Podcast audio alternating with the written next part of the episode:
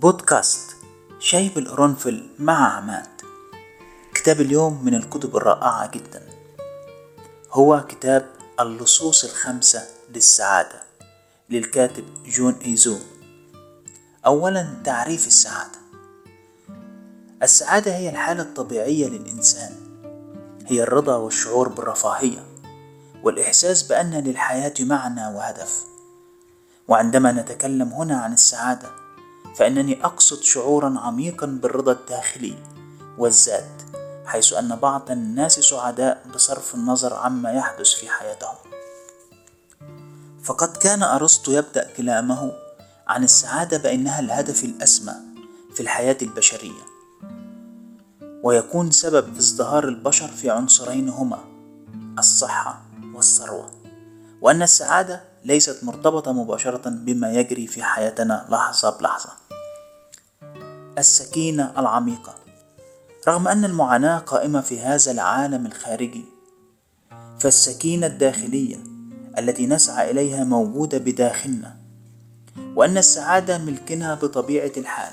فقد قال الشاعر جلال الدين الرومي إن الإلهام الذي تبحث عنه موجود بداخلك في الأساس.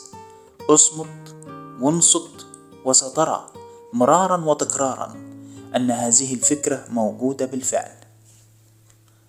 إلا أن هناك خمس لصوص نسمح لهم أن يسلبوا منا السعادة.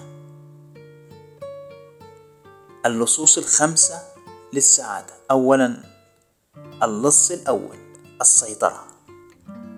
حيث يريد هذا اللص منا الاعتقاد إنه بإمكاننا السيطرة على الحياة وهناك قصة شهيرة لأمير من أمراء الهند أراد والده حمايته واعداده لحياة الملوك. ولكن كان عند الأب هاجس أن ابنه اذا عانى بأي شكل من الأشكال سيصبح رجل دين. فمنع عنه رجال الدين وكذلك منع عنه مخالطة كبار السن والشيوخ حتى لا يرى هرم الشيخوخة والمعاناة والموت. وتم إحاطة الابن بالشباب فقط. ولكن بعد أن بلغ الأمير تسعة وعشرين عاما قرر مغادرة القصر. وعندما غادر الأمير فقد قابل رجل شيخا ثم قابل رجل مريضا ثم وجد جثة محللة. وأخيرا قابل رجل زاهد في الحياة ترك المتع الدنيوية ويعيش حياة بسيطة. ولأنه لم يرى أي معاناة ولا موت من قبل أدرك الأمير إننا نشيخ ونكبر ونمرض ونموت في النهاية. فدخل في حالة اكتئاب شديد وعاش حياة زاهدة لسنوات طويلة. هجر فيها مدع الدنيا وبدأ رحلة البحث الداخلي والمعاناة حتى أصبح عمره تسعة وأربعون عاما. واكتشف أن اللص الأول للسعادة هو السيطرة وقد أدرك الأمير أيضا أن الحقائق الصعبة للحياة لا تسلبنا سعادتنا. إن السعادة هي معرفة ما يمكننا السيطرة وأن السعادة تنبع من داخلنا وأفعالنا. هي التي تجلب لنا السعادة. السيطرة وهم واللحظة الراهنة هي الواقع. وإننا إذا عشنا الحاضر فقط سوف نصبح سعداء. فلا شيء يفيد في التفكير سواء في المستقبل أو في الماضي. فإن التفكير في الماضي لا يصحح الأخطاء التي ارتكبناها فيه ولكنه يزيد لدينا الشعور بالندم وهذا الشعور يسبب لنا التعاسة. فالماضي هو ما كان ونحن يمكننا التعلم منه ونبدأ في التغيير تدريجي إلى الأفضل. النصيحة ركز في الحاضر وتقبل الواقع ايا كان وعليك ملاحظة اللص والقبض عليه والاستعداد لخوض الحياة لتحل السعادة والسكينة محل التوتر والقلق. اللص الثاني الغرور والأنانية. هو أحد أقوى لصوص السعادة إنه اللص الثاني للسعادة وهو إبراز مفرط لأهميتك الشخصية وإعتقادك إنك منفصل عن الآخرين.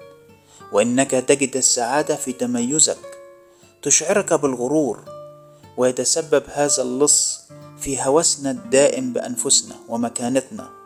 ونطرح لأنفسنا أسئلة ما منزلتي وما مرتبتي وما المكان المناسب لي؟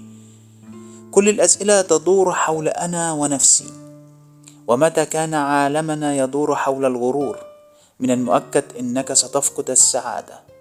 فدائما اسأل نفسك ماذا لو كنت جزءا من كيان كامل فعلا له معنى؟ ماذا لو كان تركيزك على سعادتك؟ العلاج والنصيحة. إن غرورك يسلبك سعادتك ويجعلك تشعر أن الشيء الذي تظنه مصدر لسعادتك هو نفسه سبب تعاستك. فالإنسان هو المخلوق الوحيد الذي ميزه الله عز وجل بالعقل فاستفيد بكل التجارب السابقة وابتعد عن الغرور. اللص الثالث الجشع أو الطمع.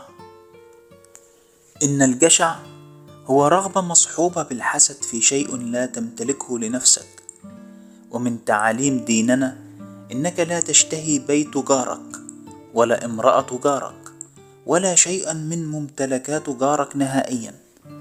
إن الجشع لص قوي ومخادع من عدة أوجه لأنه يأتي متنكرا في صور أخرى في صورة الطموح أو في صورة الرغبة في شيء تريد امتلاكه أو التطلع إلى ما يمتلكه الآخرون وتريد امتلاكه. فيتولد لدينا الشعور بالحسد وعدم الرضا والنقص. وهناك قصة شهيرة قصة الملكة الشريرة في قصة سنو وايت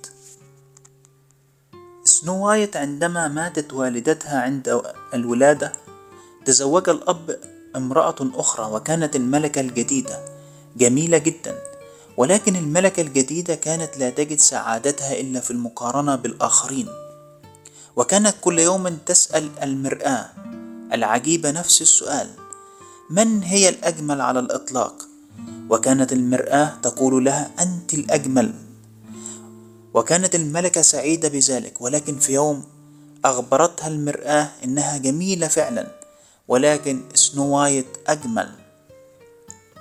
فتسبب لها بالغضب الشديد والقضاء على شعورها بالرضا وقضى على علاقتها بالعالم الخارجي وتم إرسال صياد لقتل سنو وايت وهذا ما فعله الجشع. إنه يسلبنا إرادتنا وقدرتنا على الشعور بالامتنان لأنفسنا وللآخرين أيضا. إن القوة المعاكسة للجشع هي الامتنان فهو يزيد شعورنا بالرفاهية والسعادة والرضا. اللص الرابع هو الاستهلاك. الاستهلاك بالطبع هو أساس مجتمعنا الاستهلاكي كله والرغبة في الشراء الدائم حتى نشعر بالرضا والسعادة.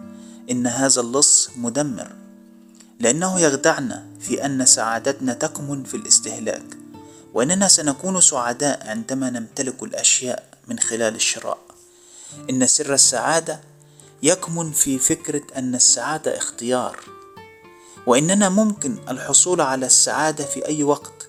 هي فكرة شديدة البساطة والجوهر أن السعادة والرضا والقناعة هما تاج العقل. اللص الخامس التراخي والراحة. هو لص ماكر في الواقع فهو أشبه بشخص كسلان يجلس على الأريكة وجهاز الريموت في يده ويريد البقاء أمام القنوات التلفزيونية طوال الوقت. وهناك قصة تقدم صورة رائعة لحالنا ألا وهي عندما يدير هذا اللص حياتنا. كان هناك رجل يركب فرس ينطلق من قرية صغيرة. وكان الفرس يجري بأقصى سرعة وبدأ الرجل يشعر أنه سيقع في أي لحظة. فنادى شخص غريب على هذا الرجل وقال له إلى أين تذهب؟ فرد الرجل صارخا لا أعلم اسأل الفرس. فإذا سيطر هذا اللص على بيوتنا فإننا نصير ونصبح مثل هذا الرجل الذي يركب الفرس ونجد أنفسنا مقيدون بالروتين. عقلك والسعادة. يميل البشر إلى حب النظام ولكن الفوضى تسود حياتنا. هذا التناقض الغريب مفارقة في طبيعة العقل البشري. أن عقولنا تتحمس للتغيير ولكننا نميل للروتين. وأن عقولنا تميل للعادات دائما وعقلنا الباطن هو ما يتخذ الغالبية العظمى من قراراتنا. وهو أمر شديد الفاعلية. وطاقتنا للقرارات الكبيرة أو الجديدة يتخذها عقلنا الباطن. وبذلك نميل إلى هذه العادات. علينا أن نتعلم أنه كلما خرجنا عن الروتين والمألوف سوف تتحسن حالتنا النفسية والبدنية. وهناك ثلاث خطوات للتخلص من اللصوص. امسك اللص الذي بداخلك. أوقف الأفكار السلبية والسيطرة عليها. اجعل أفكارك وتفكيرك كله في الإيجابيات دائما. واعلم إنه بإمكانك تغيير العادات القديمة والتخلص من الماضي. وحاول ان أن يحدث انسجام بينك وبين الطبيعة وأن يكون التفكير إيجابي وتعمل على حل المشاكل دائما أول بأول.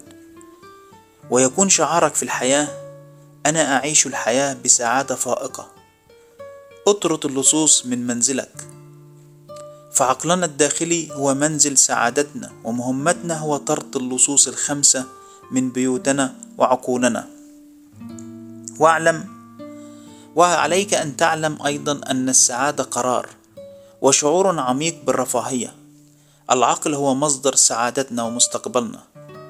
فقم بوضع خطط جديدة في حياتك ومستقبلك ويكون لديك الرغبة التامة في السيطرة على تفكيرك وسعادتك. وعليك أن تتخيل الآن. كيف سيكون عالمنا لو استطعنا أن نتخلص من هؤلاء اللصوص الخمس؟ بودكاست شاي بالقرنفل